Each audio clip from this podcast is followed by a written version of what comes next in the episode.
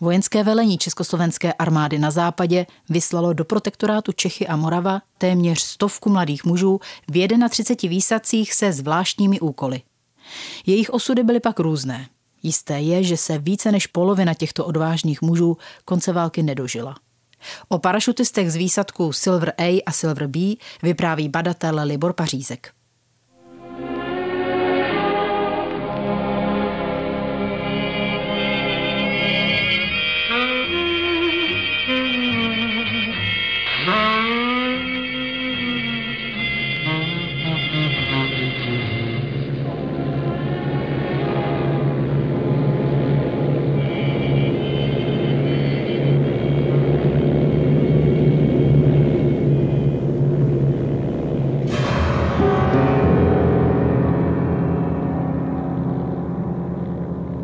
28. prosince 1941 odletalo z letiště Tangmere u Londýna letadlo Halifax, ve kterém letěly tři skupiny.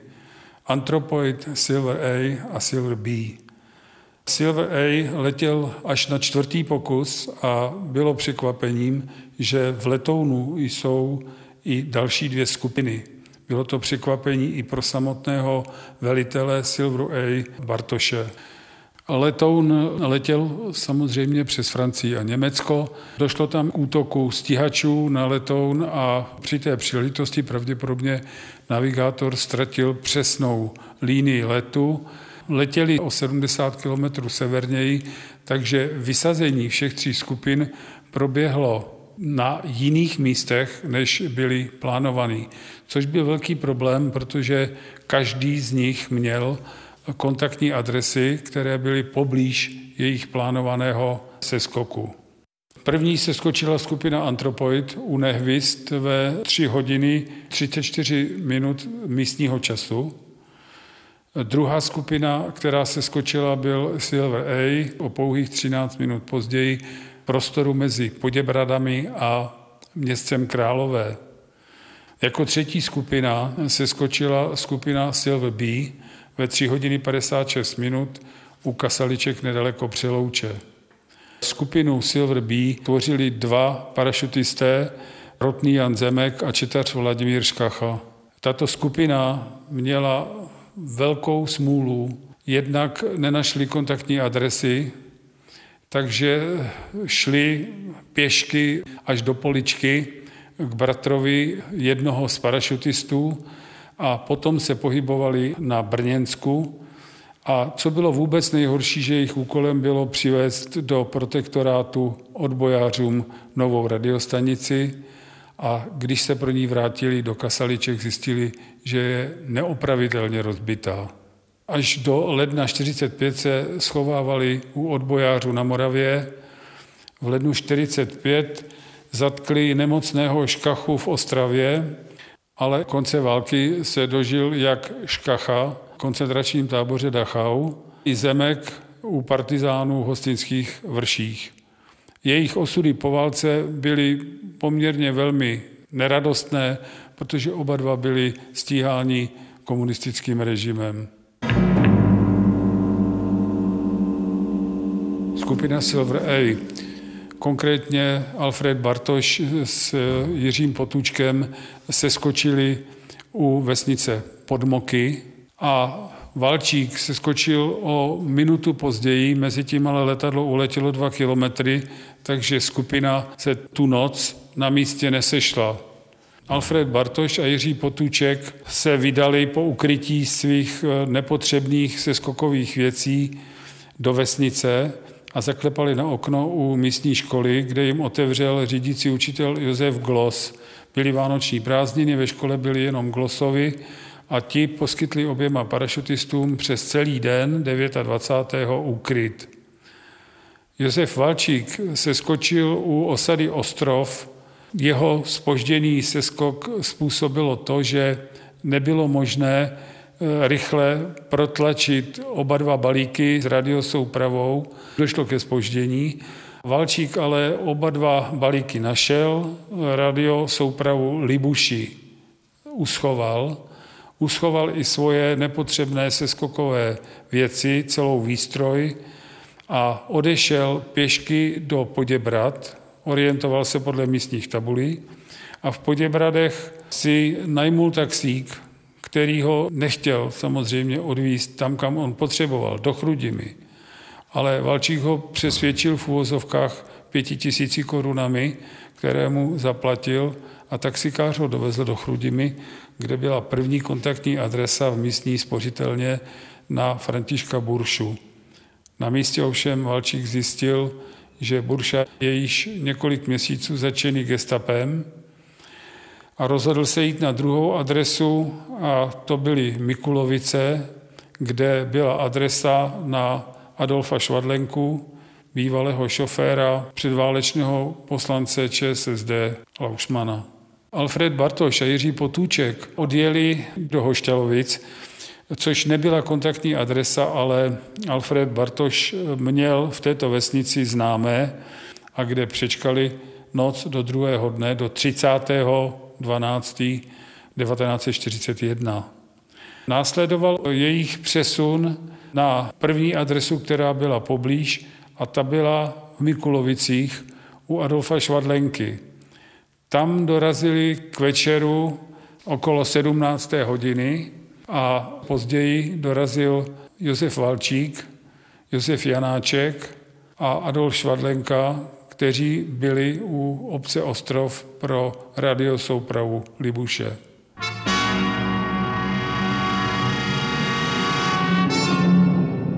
Jejich hlavním úkolem bylo obnovení spojení a zpravodajství z protektorátu.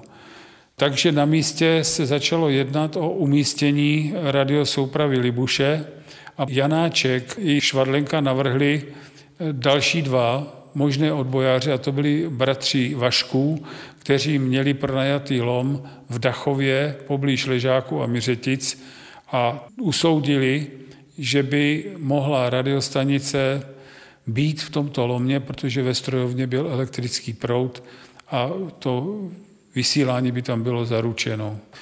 Radiosouprava Libuše byla dopravena do Dachova někdy okolo 4. 5. ledna a Jiří Potuček začal okamžitě zkoušet spojení s Londýnem a skutečně se mu podařilo to, že 9. ledna v Londýně slyšel jeho vysílání, ale zpátky Jiří Potuček neslyšel nic, přestože se pokoušel celé noci. Naštěstí byla skupina vybavena americkým přijímačem Skyrider, který byl použit 15. ledna a 15. ledna je datum, kdy bylo navázáno oboustranné spojení mezi Libuší a Londýnem.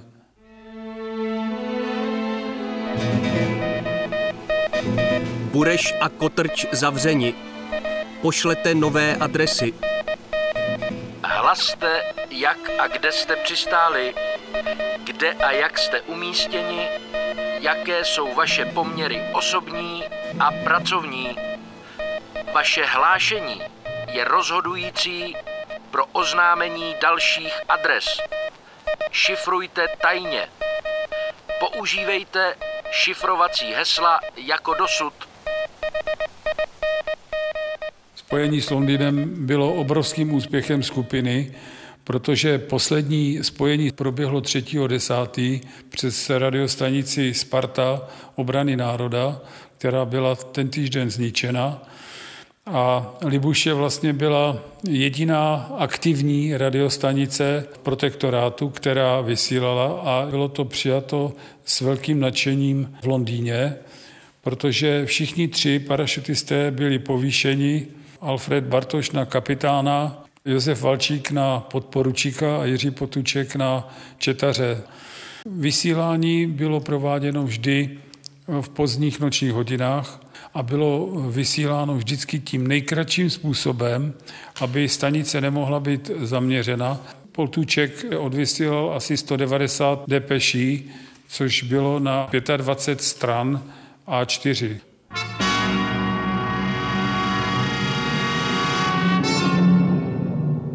Skupina Silver A, stejně jako ostatní skupiny, byly vybaveny krycími doklady. Bartoš byl Emil Sedlák, Valčík byl Zdeněk Toušek a Jiří Potuček byl Alois Stolar. Jména se musela v protektorátu změnit, stejně jako zajistit lepší krytí novými doklady, takže Alfred Bartoš byl Josef Motička, Josef Valčík byl Miroslav Šolc a Jiří Potuček byl Josef Stříšek. Falešná identita Josefa Valčíka se provalila někdy začátkem března při kontrole policejních přihlášek pardubickým gestapem. Na celé věci bylo komické, že Josef Valčík obsluhoval pardubické gestapáky ve vinárně hotelu Veselka. Byl tam znám pod jménem Miroslav Šol, všichni ho oslovovali Mírku a když byl odhalen, tak eh, musel zmizet a v Pardubicích se potom už nikdy neobjevil. Odešel na Moravu a později potom do Prahy, kde se zařadil ke skupinám, které působily v Praze, ale nikoli v antropoidu. Antropoid vytrvale pracoval sám, nechtěl nikoho jiného právě z důvodu prozrazení, protože čím víc lidí, tím je možnost toho prozrazení vyšší. Pardubické gestapo pátralo po odbojářích a jakékoliv ilegální činnosti. Pátralo tedy i po parašutistech, o kterých se vědělo, že na několika místech v protektorátu přistáli. Z tohoto důvodu nařídilo kontrolu policejních přihlášek z poslední doby, a to v celém pardubickém kraji.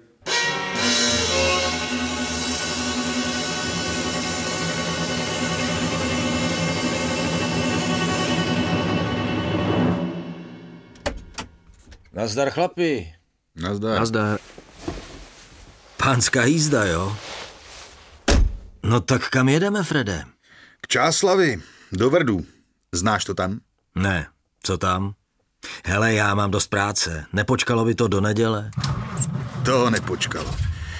Místní četníci totiž přišli na to, že motička u nich už šest let leží na hřbitově. A do hajzlu. Jak na to přišli? Gestapo nařídilo kontrolu všech policejních přihlášek za posledního půl roku. Četníci z Oustí volali do Vrdu, jestli mají v evidenci Josefa Motičku. Hledali a našli. Ale v matrice zemřelých. Oh, a, tak vzkázali, ať si toho, co se za Motičku vydává, zatknou. Oušťáci mě sice nevyšťárali, ale došli si pro Josefa Hrdinu, který mě v Kerharticích přihlašoval. Včera ho sebrali. Od koho to víš? Večer za mnou byla jeho žena. Josef se s nima prý domluvil. Jsou to dobrý chlapy, jsou ochotní to schodit ze stolu, když ale zlikvidují hlášení četníci z Vrdů. Takže jedeme za četníkama do Vrdu? Domluvit jim? Všichni tři? Půjdu tam sám. Vyřídím to. Nenecháme tě v tom samotnýho.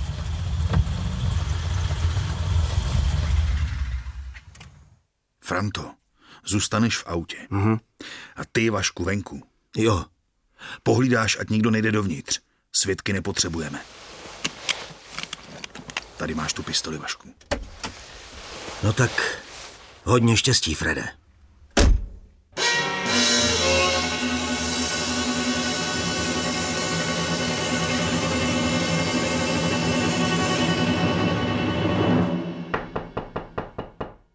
Vstupte! Zdravím vás. Jsem Josef Motička. Jsem československý voják a jsem tu na přímý rozkaz našeho velení v Londýně. Co chcete? Jako důstojník československé armády vám nařizuji zničit hlášení pro četníky z Ústí. Vědí o tom a souhlasí. Jaké hlášení? O smrti Josefa Motičky. Pokud neposlechnete, budu nucen použít zbraň. Vy jste padákový agent. Parašutista. V pořádku. Vyřízeno. Můžete se spolehnout. Na motičku se nikdo neptal. A já o něm nikdy neslyšel.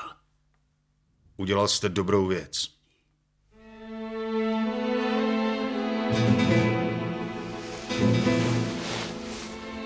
Vyřízeno. Jeden. Můžeme dát zprávu do Londýna. Motička. Žije.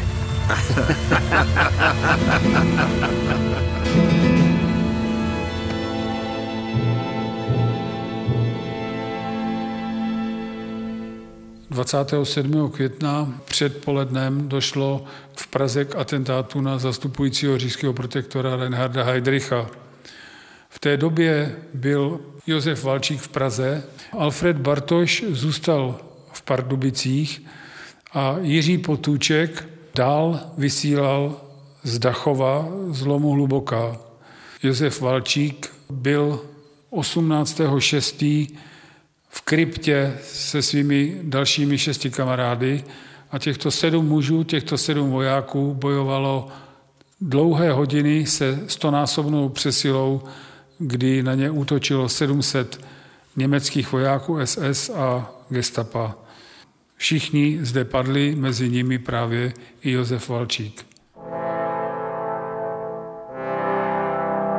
Jeden z parašutistů, který zradil, Karel Čurda, prozradil celou řadu informací, například i o Pardubicích, kde prozradil manželé Krupkovi, u kterých bylo vlastně centrum odboje v Pardubicích. Krupkovi byli 17.6. zatčení v policii, kam odjeli z Pardubic v nastalé vypjaté atmosféře a Alfred Bartoš se vracel 21. června ke Krupkům v Pernerově ulici a byl zde zaskočen gestapem.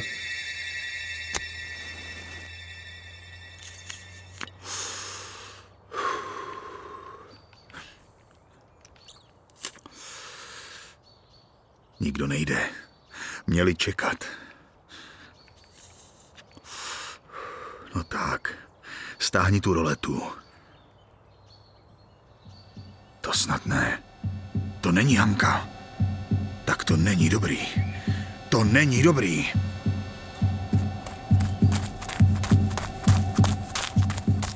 Halt! Halt! Stoppen Sie ihn! Er ist ein Bandit! Zastavte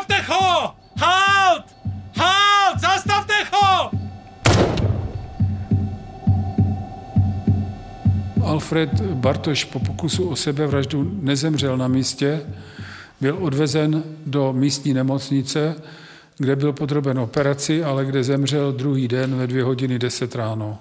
Jiří Potůček ani nikdo z ostatních odbojářů o této záležitosti nevěděl, protože přítomní eh, byli jenom gestapo a náhodní svědci, kteří vlastně nevěděli, o koho se jedná.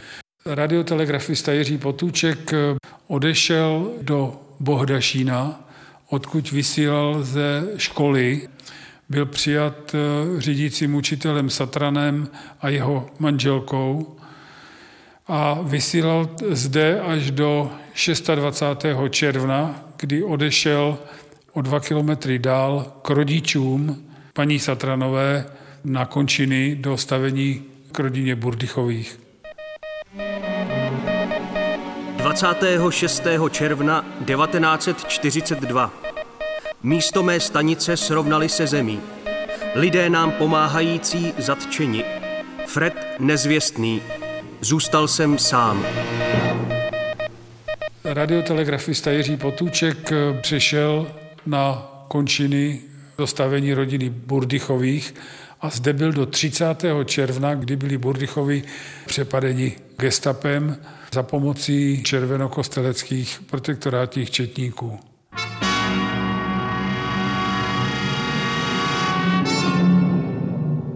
Na zátah gestapa vzpomíná mladší syn Burdychových Antonín, kterému tenkrát bylo 8 let. Já jsem šel teprve ze školy. A teď, jak jsem byl pod tím lesem, asi 150 metrů, tak najednou slyším střelbu. To jsem si neuvědomil, já jsem myslel na končina, někde skládají fošny a jak to padá na zem, tak to pleská. Jsem si neuvědomil, že na končinách by se střílel. Já jsem o tom nic nevěděl. Jsem taky nevěděl, že ten potůček je u nás. Teď vidím proti sobě, že utíká kostelecký četník. A u mě zastavil a žval na mě. Neviděl jsi tady utíkat nějakého mužského bosího, jenom v kalhotách a v košili. Já jsem říkal, neviděl. A on mě povídal, tak táhni do prdele. Jo. Tak to byl takový četník, který opravdu měl zájem ho chytit. Říkám, někteří byli dobrý, někteří ne. Když oni v tom baráku hledali toho parašutistu, tatínek už byl tady pod lesem, nebo už ho odváželi, tak byl doma jenom děda a toho dědu si vzali ty gestapáci a chodili s ním po baráku a hledali potůčka, že jo, strkali ho před sebou aby byli krytí. A když ho strkali na půdu, tak to ten potůček už slyšel, že tam jdou. On musel slyšet i ty rány předtím. No a když přišli až nahoru, nad, že jo, ty schody, tak potůček odklopil to víko a vystřelil. Omylem teda střelil dědu do ramene. A ten děda se teda kácel po těch schodech a za ním ty všechny gestapáci spadly taky dolů. Čili potůček měl čas na to to otevřít a utíkat 4 metry po půdě a vzadu byly dveře, co se dává seno na půdu a tam skočil dolů asi 3 metry z a tam bylo asi 8 metrů louka a za tou loukou už měli sousedí pole, měli tam žito a to žito tenkrát se pěstovalo vysoký, dneska ne. A tak on v tom žitě utíkal, měl je pistole a utíkal a střílel tady byli ty gestapáci a ty četníci a byli tak z toho překvapení, že vůbec i pes tady byl z Hradce policejní a pak utíkal dolů tady a někde musel už tady eh, se schovat do lesa nebo proběhnout lesem, baž já jsem ho neviděl, když jsem byl pod tím lesem. To už musel utíkat lesem. Poslední ze skupiny, radiotelegrafista Jiří Potůček, utíkal směrem do Pardubic. 60 kilometrů do Pardubic po různých nesnázích, po odmítnutí, ale i přijetí po cestě, doběhl až do Rosic k ilegálnímu bytu, který měl připraven. Zde byl odmítnut a ještě byl místním nájemníkem Josefem Fitzbaverem udán a doubravičtí četníci vyrazili potůčka hledat. Jeden z nich, Karel Pulpán, objevil spícího potůčka v lesíku Dubinka v Trnové a potůčka na místě zákeřně zastřelil. Ten týž den večer bylo na zámečku popraveno 40 pardubických odbojářů a 3. července 1942 bylo ukončeno stanné právo. Přesto bylo 9. července na zámečku popraveno ještě 15 odbojářů z Červenokostelecka.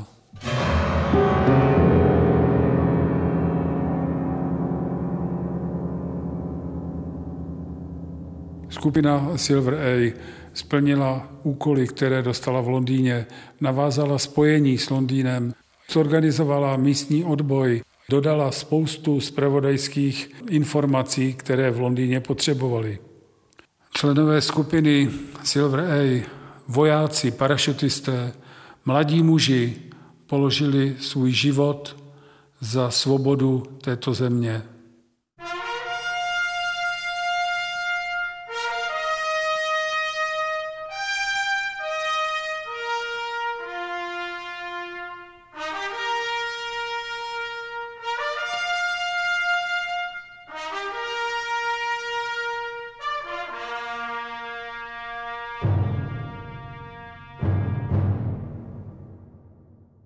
Slyšeli jste třetí díl seriálu o parašutistech vyslaných londýnskou exilovou vládou během druhé světové války.